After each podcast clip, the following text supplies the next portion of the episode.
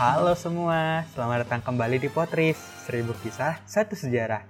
Kembali lagi nih bersama kami, Kuba dan Naya, yang akan menemani kalian di Potris episode ketiga kali ini. Bagi kalian yang mau dengerin Potris episode 1 dan 2, bisa cek highlight story Potris di IG at Sierra 8 JKT atau bisa search 8FM di Spotify ya. Nah, selain Potris, di FM, kalian juga bisa dengerin malam ini, yaitu series podcast Exclude Tech Sound yang bertema horor. Oke, sekarang kita lanjut lagi ke Potris. Oke, hmm, terakhir kali kita kan ngebahas soal peristiwa gitu nih Kup. Nah kali ini kita mau bahas tentang apa sih? Hmm, kita udah pernah bahas tentang pahlawan sama peristiwa. Kali ini kita bakal bahas tentang suatu organisasi. Yang pasti, organisasi ini ada hubungannya dengan bulan Mei. Hmm, bulan Mei ya. Berarti mau bahas kebangkitan nasional gak sih? Nah, cakep. Bener banget, itu kuncinya. Potris kali ini kita bakal bahas suatu organisasi yang menjadi ikon kebangkitan nasional. Nah, tunggu apa lagi? Langsung aja kita masuk ke Potris episode ketiga dengan judul Budi Utomo. Berdiri 109 tahun lalu, Budi Utomo merupakan ikon dari kebangkitan nasional bangsa Indonesia. Didirikan pada tanggal 20 Mei 1908 di Yogyakarta. Organisasi ini awalnya beranggotakan para pelajar yang berasal dari daerah Jawa dan Madura. Diketuai Dr. Wahidin Sudiro Husodo. Organisasi ini menjadi salah satu organisasi politik Bumi Putra pertama di Hindia Belanda. Sebenarnya Budi Utomo itu bukan organisasi politik kan, Nay? Iya, Budi Utomo itu tadinya merupakan perkumpulan yang bergerak di bidang akademis dan sosial budaya. Oh, terus tujuan utama didirinya Budi Utomo itu apa? Pencetus ide Budi Utomo, Dr. Wahidin Sudiro Husodo punya keinginan agar taraf hidup orang Jawa bisa dinaikkan melalui pendidikan barat dan pengembangan budaya. Nah, kan sekolah mahal nih ya. Makanya beliau mengupayakan supaya pelajar-pelajar Bumi Putra itu bisa mendapatkan dukungan finansial dan beasiswa. Jadi sebenarnya Budi Utomo itu kayak konsultan pendidikan gitu ya? Nah, iya bener banget. Agak kayak skoters buat pribumi gitu deh. Nah, dari Dr. Wahidin ini dapat dukungan dari mahasiswa Jawa yang udah sekolah di Belanda dan para priai. Mereka lah yang kemudian berkumpul dan membentuk Budi Utomo. Oh gitu. Terus namanya kenapa Budi Utomo dah? Kenapa gak kayak Budi Lara gitu atau Budi Kuba biar nama gue dikenal gitu? Gak gitu lah Kup. Jadi nama Budi Utomo ini sebenarnya punya makna yang penting loh. Budi Utomo itu berasal dari bahasa Sanskerta yang artinya budi atau keterbukaan jiwa, pikiran, kesadaran, akal atau daya untuk membentuk dan menjunjung konsepsi dan ide-ide umum. Sedangkan kata utomo atau utama berarti tingkat pertama atau sangat baik.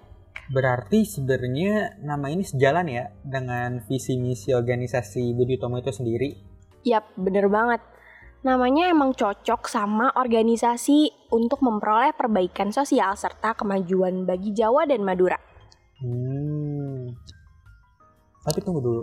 Budi Utomo tuh emang cuman fokus di Pulau Jawa sama Madura aja atau gimana sih? Kalau emang iya, kok bisa ya sampai jadi ikon kebangkitan nasional gitu? Pada awalnya emang pelayanan Budi Utomo ini berpusat untuk pemuda-pemuda dari kalangan Jawa. Tapi lama-kelamaan Budi Utomo juga menyebar ke pulau-pulau lain di seluruh Indonesia. Setelah didirikan, organisasi ini berkembang secara bertahap. Pada bulan Juli 1908, Budi Utomo sudah mengumpulkan 650 anggota yang tersebar di Jakarta, Bogor, Bandung, Yogyakarta, Magelang, Surabaya, dan Probolinggo. Setelah Budi Utomo menyelenggarakan kongres pertama pada bulan Oktober, keanggotaan kembali bertambah mencapai 1.200 anggota, yang banyak berasal dari kalangan bangsawan dan pejabat kolonial. Pertumbuhan pesat terjadi di tahun 1910. Terdapat 40 cabang organisasi tersebar dengan 10.000 anggota. Banyak juga ya naik anggotanya sampai 10.000. Iya, karena Budi Utomo sifatnya organisasi nasional yang nggak memandang atau membedakan kelamin, agama maupun keturunan. Jadi emang lumayan banyak sih. Eh, BTW, kan tadi lo bilang nih Nay, kalau misalnya Budi Utomo itu berkembang jadi menyebar ke pulau lain di luar Pulau Jawa. Nah itu gimana tuh ceritanya? Nah, kalau perluasan itu terjadi di tahun 1928, Kup. Budi Utomo mulai bergerak di seluruh bagian Indonesia untuk mewujudkan tujuannya yaitu persatuan Indonesia. Oh, gitu. Tapi lo tau gak sih, Nay? Kalau misalnya tahun 1927 itu ada sesuatu? Hmm, gak tahu deh. Emangnya ada apaan, Kup? Pada tahun 1927, Budi Utomo bergabung dengan Gerakan Pemufakatan Perhimpunan-Perhimpunan Politik Kebangsaan Indonesia atau yang bisa disebut PPPKI yang dipelopori oleh Presiden Ir Soekarno. PPPKI adalah organisasi pergerakan yang merupakan kumpulan dari beberapa organisasi di Indonesia. Organisasi ini dibuat karena para pelopor kemerdekaan beranggapan jika hanya berjuang melalui organisasi masing-masing, tujuan tidak akan berhasil. Ada penggabungan kayak gitu berarti emang banyak ya organisasi pada saat itu yang bersifat modern nasionalis. Kalau gitu kenapa Budi Utomo yang jadi ikon kebangkitan nasional, Kup? Walaupun saat itu emang banyak orga, banyak organisasi pergerakan nasional, tapi Budi Utomo itu dianggap sebagai ikon karena organisasi itu bermunculan setelah didiriinnya Budi Utomo. Iris Karno juga pernah bilang kalau misalnya Budi Utomo itu alat perjuangan modern yang menjadi pemicu pergerakan kemerdekaan nasional. Oh, jadi gitu. Tapi banyaknya organisasi lain bukannya bisa bikin Budi Utomo tertinggal ya? Terus kalau tertinggal bisa jadi bubar dong? Bisa aja sih sebenarnya. Budi Utomo memang sedikit tertinggal akibat banyaknya organisasi lain yang muncul. Tapi bukan itu penyebab utama bubarnya Budi Utomo. Jadi apa dong? Kebijakan politik yang dilakukan pemerintah kolonial Belanda memaksa Budi Utomo mulai kehilangan kewibawaannya, sehingga terjadi perpecahan di dalam Budi Utomo dan muncul kelompok radikal dan moderat di tubuh organisasi tersebut. Selain itu, Budi Utomo juga jarang mendapat dukungan massa karena tidak berjalan di bidang politik. Pada tahun 1935, Budi Utomo resmi bubar, bergabung dengan PBI atau biasa disebut Persatuan Bangsa Indonesia yang didirikan oleh Sutomo. Meski sudah bubar, Budi Utomo dianggap sebagai pemicu pergerakan kemerdekaan. Oleh karena itu, sejak tahun 1948, tanggal 20 Mei ditetapkan sebagai Hari Kebangkitan Nasional.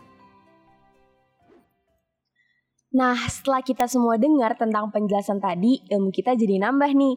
Kita jadi tahu tentang latar belakang dari Hari Kebangkitan Nasional dan alasan kenapa sih Budi Utomo yang menjadi simbol walaupun Budi Utomo bukan organisasi modern pertama di Indonesia. Iya, selain menetapkan Budi Utomo sebagai ikon, ada juga loh Museum Kebangkitan Nasional yang dibangun dan didedikasikan untuk organisasi Budi Utomo yang terletak di Jakarta Pusat. Wih, keren banget. Oh iya, karena kita udah membahas tentang Budi Utomo, menandakan Potris episode ketiga selesai di sini. Sebelum kami tutup nih, gue mau ngingetin para pendengar buat isi kuis yang ada di deskripsi di bawah ya. Kalian juga bisa akses kuis dengan klik link yang tertera di bio Instagram @siara8ckt. Dan seperti biasa, 5 orang beruntung akan mendapatkan GoPay loh. Pengumumannya bisa kalian lihat di Instastory at Siara8JKT. Jadi stay tune ya. Oh iya, di sana kalian juga bisa lihat trivia loh di highlight story Potris. Lumayan banget buat menambah pengetahuan kalian tentang fakta-fakta lain dari Budi Utomo. Oke guys, karena kita udah sampai di akhir podcast, kami mau berterima kasih pada para pendengar yang udah dengerin kami dengan setia. Kalau kalian tertarik dengan topik-topik sejarah, kalian bisa cek Potris episode sebelumnya ya. Jangan lupa juga buat cek podcast TX malam ini dengan search Ek FM di Spotify. Potris akan kembali lagi di bulan Juli dengan topik yang seru. Akhir kata, terima kasih dan sampai jumpa di episode Potris selanjutnya. Seribu kisah, satu, satu sejarah. sejarah. Bye. Bye.